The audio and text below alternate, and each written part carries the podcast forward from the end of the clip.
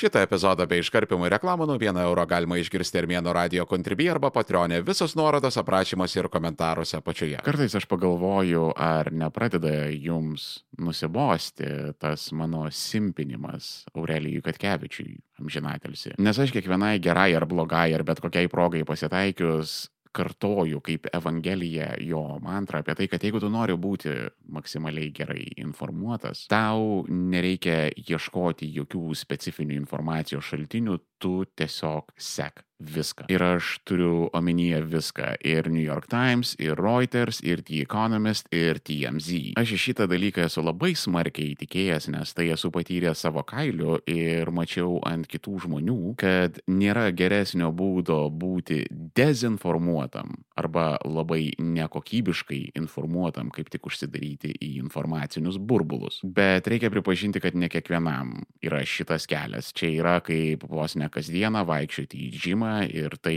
yra užsispyrimo, atkaklumo ir disciplinos dalykas. Nes informaciniuose burbuluose sėdėti yra labai faina ir labai paprasta ir labai komfortiška. Tu atsirinki būtent savo maloniausią kontentą, kuris tau kelia pačias geriausias emocijas ir tada tu toks visas ramus ir patenkintas. Ramus ir saugus kaip kūdikis mamos pilvetų palaimingai plūduriuoji tame šildančiame informacinėme amnioninėme skystyje. Pasaulis yra tada maksimaliai gražus ir maksimaliai fainas. To aš negaliu pasakyti apie savo kontento vartojimo patirtį. Aš gana aiškiai pastebėjau, kad kada skrolinu portalus, tai aš tai darau kaip nerdamas į vandenį. Tiesiog užsispaudžiu nosį, sulaikau orų ir neriu. Greitai, greitai scroll, scroll, antraštės, antraštės ir tiesiog greičiau pradėsim, anksčiau baigsim. Nes aš pastebiu, kaip didieji portalai nuoširdžiai mane erzina. Net Kremliaus propaganda manęs taip nesuerzina kaip žurnalo žmonės, aš jums prisiekiu. Vienas ką paramos fondas jau užtiso daugybę orkų šventoje Ukrainos žemėje, bet tų orkų yra daug ir mums labai reikalinga jūsų pagalba juos pitti. Pitti orkus kartu su vienas ką paramos fondu. donate.onekfund.org arba ieškokit nuorodo komentaruose apačioje. Ačiū Jums labai. Vienas ką paramos fondas. Mes visus išpitti. Jūs pabandykit atkreipti dėmesį į tai, ką daro jūsų kūnas, kada jūs skaitote didžiuosius naujienų portalus. Aš manau, komentaruose atsiras ne vienas toks kaip aš, kuris tiesiog jaučia streso simptomus. Padaržinėje širdį sukyla nei tai kažkoks nerimas, nei tai pyktis. Ir tam yra priežasčių, dėl to, kad daugumos portalų misija yra ne jūs informuoti, o jums kažką paselinti, tampant jūs už jūsų nervų ir emocijų. Tai yra paprasčiausiai naujosios medijos naujasis biznis, jūs užkabinti ir išlaikyti jūsų dėmesį kaip įmanoma ilgiau, o jeigu dar pavyks sukelti priklausomybę nuo kontento, nu tai tada iš viso fainai. Žinokit, taip, būtent taip viskas veikia ir šito epizodo eigoje aš jums papasakosiu, kas kaip ir kodėl. Aš ilgą laiką negalėjau suprasti, kodėl tie portalai taip mane trigerina, kol nesusidūriau su viena istorija per praėjusias kalėdas. Per šias šventes viena man artima persona parodė susirašinėjimą. Susirašinėjimas buvo tarp to žmogaus ir kito asmens atliekančio producerinės funkcijas vienoje TV laidoje. Aš čia žoskai viską perfrazuosiu, bet maždaug to susirašinėjimo turinys buvo toksai. Galbūt tokiom, tokiom dienom tu galėtum pas mus atvaryti į filmavimą. Persona atrašo, sorry, šiuo metu užimtumas, po to dar išvažiuosiu kuriam laikui iš Lietuvos, bla bla bla, nelabai gaunasi. Kitam gale žmogus tiesiog beginti pradėjo, tikrąją to žodžio prasme maldauti. Ir parašė dalyką, kuris daugiau mažiau skambėjo taip. Žiūrėk, nemeluosiu, pas mus yra pakritęs reitingas ir iš mūsų svečių kol kas niekas taip negali paskandalinti kaip tu. Ir kada aš perskaičiau tuos žodžius, man akise iš karto prašviesėjo ir aš supratau, kame reikalas. Priežastis, kodėl tradicinė medija ir ypatingai naujienų portalai mane taip erzina, yra ta, kad visa praktiškai viešoji erdvė yra pavirtusi į vieną nesibaigiantį skandalą. Šokiruojančios antraštės, politiniai skandalai, ten garsenybių skirybos, bifinantis influenceriai. Visa tai yra eilinis antradienis jūsų average medijos enjoyerio ofise. Ir žmonės yra tokie padarai, kurie mėgsta iškumą, todėl klyjuoja etiketės. Dėl to įvairūs laikotarpiai pas mus turi pavadinimus, ten garo amžius, pavyzdžiui, koksai nors. Ir man atrodo, kad va šitas informacijos amžiaus, kuriame mes gyvename, laikotarpis, jisai galimai gali būti ateityje pavadintas dėmesio ekonomika. Labai dažnai laikotarpiams pavadinimai duodami pagal kažkokį to meto svarbų ekonominį resursą. Ir šiais laikais dėmesys virto būtent į tai, į ekonominį išteklių. Tai yra toks pats aktyvas kaip kešas ir akcijos. Dėmesį galima gręžti kaip naftą, jį perdirbinėti ir monetizuoti. Nu, pavyzdžiui, kaip veikia influencinimo biznis. Tu gali kažką parodyti, ką kiti labai nori pamatyti. Galbūt tu kažkur įdomiai keliauji, galbūt tu labai fainai gyveni, galbūt kažką labai įdomiai pasakoji, arba tavo humoras labai geras, arba tiesiog galų gale turi porą labai sultingų krūtų ir esi ah keli nusibledė. Patinka kiksmažodžiai? Prenumeruok Armėnas Plus tik už 1 eurą į mėnesį Armėno radio kontribį arba Patreonė ir klausyk epizodų be reklamų ir iškarpimo visus nuorodas aprašymuose ir komentaruose apačioje. Žodžiu, yra kažkoks kabliukas, ant kurio eina žmonės. Po truputėlį tu surenki auditoriją ir nuo tam tikros skaičiaus, šiuo atveju tai yra, nu, dešimtys tūkstančių žmonių bent jau, tu pasidarai labai įdomus reklamdaviams. Nes auditorija yra žmonės, kuriems tu gali pardavinėti savo produktą produkciją. Parodė šimtui žmonių reklamą, 90 jinai neaktuali, 10 susidomėjo, o 3 iš jų žiūrėk ir kažką nusipirko. Praktiškai tik taip veikia B2C arba business to client pardavimai. Lindimas ten, kur yra didesnės auditorijos ir tiesiog demonstravimasis. Aš galiu Jums pasakyti, kad influencinime yra įvykusios tokios ginklavimosi varžybos pastaruoju metu, kad jau ne kažkokiam ten abstrakčiam užsienyje ar vakaruose, bet jau Lietuvoje mes turime ne ne vieną influencerį, kurie buvo tiesiog dirbtinai kaip produktas arba projektas sukurtas kitų influencerių. Žmogus žino, kaip kelti susidomėjimą, jis žino, kaip dirbti su auditorijomis, jisai yra pažįstamas su reklamdaviais ir tada yra tik tai technikos klausimas parinkti tinkamą žmogų. Aš čia dabar atskleisiu tokią baisę visatos paslaptį ir kai kam reikės žandikaulius nuo grindų susirinkti, tai biški pasiruoškit morališkai, nes šitos žinios per galvą taip normaliai gali hitinti. Žinokit, dauguma dalykų viešoje erdvėje yra netikri. Jo, žinau, čia galbūt reikės laiko atsigauti šokiruojantis, šokiruojantis dalykai. Pasirodo, televizijos ir šiaip medijos produceriai jums meluoja dažnai. Nu negi taip gali būti, kad žmonės, kurie 22 valandas paroj praleidžia niuhindami Vilniaus gatvėje, galėtų būti tokie nesažiningi su savo auditorija. Ir feikinama yra viskas - skandalai, konfliktai, dramos, santokos, skirybos. Suergar asmeniškai žinau keisą, kada įžymybės žaidė ilgą ikoną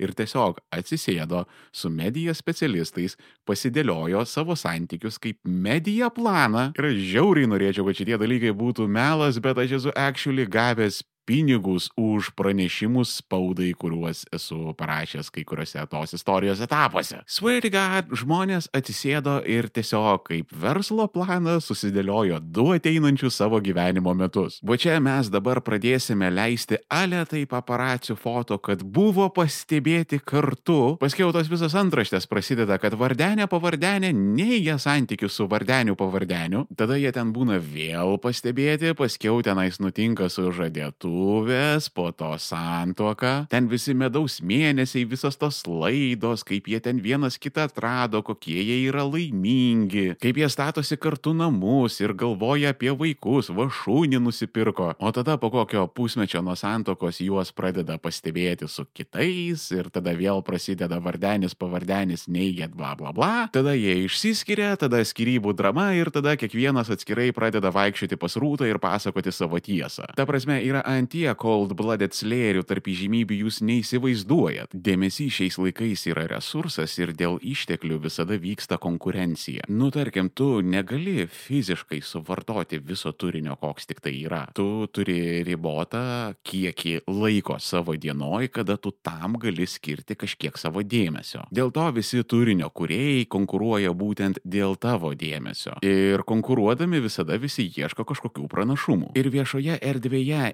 nėra kitokio labiau dėmesį prikaustančio dalyko negu hypas arba skandalas. Nu, mes taip esam sutverti, mes esam tokie dramos padarai. Taigi prisiminkit save, kada kaimynai konfliktuoja, taigi visi sėdėm ausis priglaudę prie tos ventiliacijos angos ir klausomės, kas tenais vyksta. Nei ten mums reikia, nei ten įdomu, nei ten tame dalyvaujam, nei tai mus kažkaip liečia, bet vis tiek neina atsiplėšti. Dėl to, kad mes esame iš natūros labai cakavis, smalsus padarai. O drama visada tau išmeta tokį klausimą, žinai, okei, okay, kuris kaltas. Ir tada žiūrėk taip nejučiom ėmėjai ir įsitraukia į šitą dalyką. Pavyzdžiui, norit papasakoju, kas vyksta politinių pokalbių šou redakcijose. Įsivaizduojam, yra TV laida. Ten, ten koksai nors žurnalistas kalbina ten įvairiausius žmonės politinėmis temomis. Ir dabar į eterį yra pakviečiami du politikai. Ką daro redakcija, tai tiesiog kompiliuoja klausimus, visą informaciją, žodžiu, kad žmogus einantis į tą pokalbį turėtų kažkokį briefą, ką su tai žmonėmis šnekėti. Ir dažniausiai ten būna sudėlioti tokie dalykai, kad vat, šitie klausimai garantuotai tarp šitų žmonių įžieps konfliktą. Ir šitie dalykai vyksta praktiškai visose. Čia reikėtų labai gerai paieškoti redakcijų, kurios to nedaro. Todėl, kad yra peržiūros ir visagalis reitingas ir jeigu tu to nedarysi, tai kažkas kitas už tave tai padarys. Sorry, ne mes tokie gyvenimas toks viršininkė. Visi, kas dirba entertainmente, žino, kad kiekvieną kartą, kada kyla geras skandalas, iš karto šauna peržiūros. Ir dėl to niekas nesiparina, nes šitas dalykas yra garantija. Geras, kokybiškas kokybiškas, kūrybingas kontentas yra žiauriai rizikinga. Tau jį reikia investuoti ir investuoti nemažai. Tau reikia nusamdyti žmonės, kad tau padarytų tą visą gerą, kūrybingą, kokybišką kontentą. Ir tu nežinai, ar tu pataikysi laiku ir vietoje ir ar tai žmonės priims. Su hypais ir beefais tu nieko nerizikuoji. Čia yra visiškai sure thing dalykas kaip žvejyba su dinamitu. Bet yra priežasčių, kodėl mes ištisai nežvejojam su sprogmenimis, nes paprasčiausiai tu labai greitai nebeturėsi žuvies. Tas pats nutiko su hypu ir beefu, tu paprasčiausiai nebeturi kontento, nes kontentas dabar yra tik tai dramos. Ir aš čia turbūt esu ne vienas toks, kuriam nusibodo, kad kažkoks niuchas Vilniaus produceris tampo mano dopamino sistemą kaip kažkokį krūviną spenį. Ir kada tu su jais pasikalbi, tai jie visada tą patį įjungia, kad ė seniai nestumk ant žaidėjo, stumk ant žaidimo, jeigu ne aš, tai kitas ir čia būna tas svarbiausias - žmonės to nori. Ir taip, iš tikrųjų žmonės to nori, jiems patinka, nes dopaminas yra faina, bet žinot, ko žmonės dar nori? Vyno. Duokit daugumai žmonių hierkos ir jūs busit nustebinti, kaip jie greitai ant jos atsisės. Ir žaisti šituos visus dėmesio, hypo ir dramo žaidimus yra tas pats, kas dėt į maistą hierkos žmonėms to nežinant. Įsivaizduokite, kad tarkim atsidarote kebabinę ir pradedate į kebabų mėsą maišyti hierką. Ne tiek daug, kad žmonės apsidolbintų, bet užtektinai, kad pas juos susiformuotų priklausomybė. Patikėkit, jeigu jūs įdėsite hierką O į bet kokį maistą tas maistas taiga pasidarys pats skaniausias maistas visame pasaulyje dėl to, kad jūsų kūnui bus didelis malonumas jį valgyti. Nesvarbu, kad tai galėtų būti pagaminta iš paskutinių atliekų. Haivas ir byfas yra tas pats, kas hierka kebabė. Tu tiesiog manipuliuoji žmonių pasąmonę. Ir būtent dėl to tas haipas ir byfas tai perzina žmonės. Mums nepatinka, kada mumis manipuliuoja. Iš ten ir tas susierzinimas, kurį jaučiu skrolindamas portalus. Šitoje vietoje iškirpo off topiką. Pasileidau kalbėti apie narcisizmą pramogų pasaulyje ir paskui dar biškelį palievos priešnekėjau apie tai, kaip galimai kokiais būdais kartais galiu gauti informacijos. Ir čia man norėtųsi, kad pasiliktų kuo siauresniam rate žmonių. Todėl viską padėjau į Armėnas Pro. Also, davai neapgaudinėkim vienas kito, dėl ko mes čia susirinkom. Būčiau norėjęs, būčiau išmetęs tą segmentą, bet aš gopšas ir man va šiep ko iš jūsų pinigų iškratyti. Aš kaip ir prieš kiekvieną podcastą savo threadsuose pakabinau postą, o armėno Instagrame pakabinau story, po kuriais man buvo galima palikti klausimų šitam epizodui. Čia toks žiauriai fainas būdas man su jumis užmėgsti ryšį ir suprasti, ką jūs norite girdėti ir šiaip tiesiog susikratyti mintis. Ne, nu, okei, okay, gerai pripažįstu, aš tiesiog vagiu jūsų idėjas ir išduodu kaip savo. Čia tiesiog, čia, čia tiesiog yra viskas apie tai. Tai vad, bevogdamas mintis ypatingai ypatingai į Instagramą gavau labai daug feedbacko šitais uh, hypo ir beefo klausimais. Ir įtariu, kad yra priežasčių, dėl ko Instagrame. Nes paprastai threadsuose actiono yra daugiau ir mano galva iš Instagramo tai atėjo dėl to, kad Instagramas dabar yra antra vieta po TikToko pagal hypą ir beefą. Ir žmonės čia jaučia labiausiai nuovargio. Viena pana taip ir sakė, kad jai pastaruoju metu vartoti kontentą yra žiaurus anxiety. Jis pastoviai jaučia jaučia gana didelį nerimą, kad jai į feedą kažką įmes, tai bus nauja drama, ant kurios jinai užsikabliuos. O kaip įrašė kūrą, aš jau, blėt, ir taip skęstu tuose socialinėse medijose, ten ir taip dinksta mano visas pasaulio laikas. Aš nenoriu kabliuotis ant dar vieno šūdramės ir dar jaustis, kad aš tą dalyką seku. Nes Pagi pripažinkim, aš abejoju, kad aš esu toksai vienas. Kada pamatau naują dramą viešoje erdvėje, kad man vieninteliam užsidega viduje tas jausmas, kad, okay, here we go again. Kad aš įsitrauksiu, užsikabliuosiu, paskesiu į tą dalyką, kaip visada pasirinkti reikės stovyklas. Iš tų stovyklų atsiras susipriešinimas su artimaisiais. Ir paskiau tas įvyks emocinis roller coasteris, kada this is amazing. Ir tada tuo pačiu ant krenti į tą žemę žemiausią tašką, kur maždaug fu, bet kodėl aš šitos padugnės seku?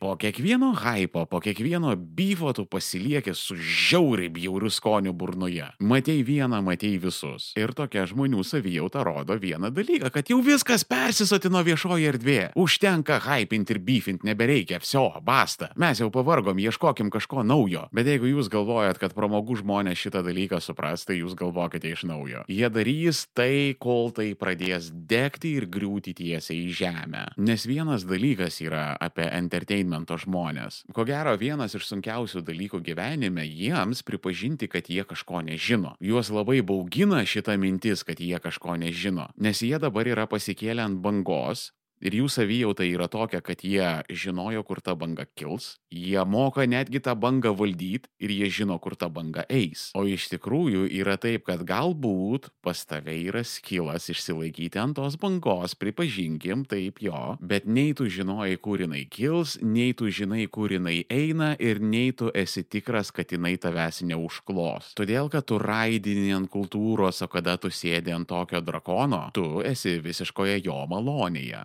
Todėl, kad kultūra yra žmonės, o žmonės yra sudėtingi ir kada susirenka jų didesnės grupės, jos taiga tampa nenuspėjamos. Ir būtent dėl šitų priežasčių kultūra yra toksai gyvas daiktas, kuris juda ir kvepuoja. Jis nuolat slenkasi ir vis ieško vietų, kur pasidėti. Atkreipi dėmesį, kažkada ūsai buvo cringe baisu, jie Fui, iki pat hipsterio atsiradimo mergaitėms niekada neduodavo berniukams šanso su ūsais. Tada kažkur taip 2, 6, 7, 8 metais atsirado ironiški ūsai. O dabar žiūrėk, jau už lango 24 metai ir ūsai vėl darosi zaipys ir net nebeironiškai. Ir dabar kaip, kodėl tas pokytis įvyko, niekas nepaaiškins. Bet jis įvyko. Lygiai taip pat tas ūsų dalykas gali staiga numirti. Ir lygiai taip pat jisai gali dar rimčiau išbujoti. Mes nežinom there, but for the grace of God, go I. Ir šitas epizodas gimė iš mano privačių pokalbių pastarosiomis savaitėmis su kai kuriais entertainmento žmonėmis. Aš ten biški trinuosi iš krašto, kartais padarau tam tikrų darbų. Aš nesu baisiai protingas, pas mane nėra labai daug žinių, aš nesu ar ten kažkoks super kūrybingas ar whatever, bet aš turiu tokią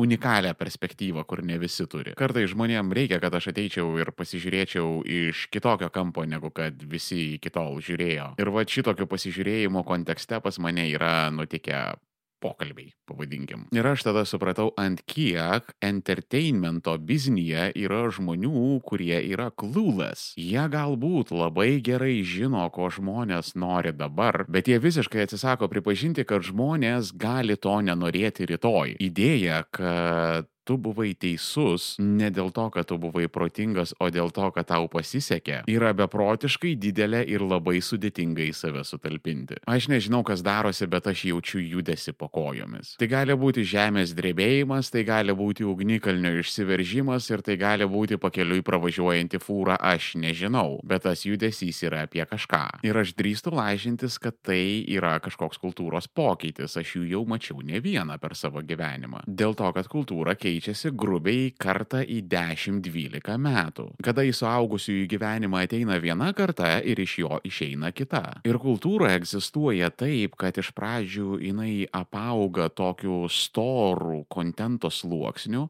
o paskui į jos gyvavimo pabaigą jinai kaip gyvatė iš jo išsineria ir užsiaugina savo naują skūrą ant kupros. Galimai mes sulauksim laikų ir tai gali būti gana greitai, kada hypas ir byfas paprasčiausiai nustos veikti. Va, tad atkreipkite dėmesį, kai prieš 5-7 metus Instagram'e karaliavęs tas visas poš glamūras. Ir atkreipkite dėmesį, koks jis atrodo juokingas ir vimdantis net kai kuriais atvejais dabar. Low key, low tier yra naujasis glamūras šiais laikais. Ateis laikas pasibaigs ir tai, galbūt atšoksim atgal į glamūrą, galbūt kažkokį low key, low tier glamūro hybridą, galbūt bus iš viso kažkas naujo, mes nežinom. Žinom tik tai, kad jeigu atsiranda daiktas viešoje erdvėje, kuris kuo toliau, tuo labiau erzina, žmonės kažkada jo atsikrato. Aš bent jau labai viliuosi, aš iš karto prisipažįstu, kad čia yra nemažai wishful thinking. Kad nepaisant visų mano predikcijų, prognozių ir kad aš jas ten galiu paremti dalykais, dienos pabaigoje viso to širdyje stovi mintis ir noras, nors penkias minutės pailsėti nuo hypo ir beefo. Nors šiek tiek pabūti be anxiety, įsitraukti į dramą, po kurios tu kaip visada pajausi tą sugėdą sumišusi, kuris hitina tave kiekvieną kartą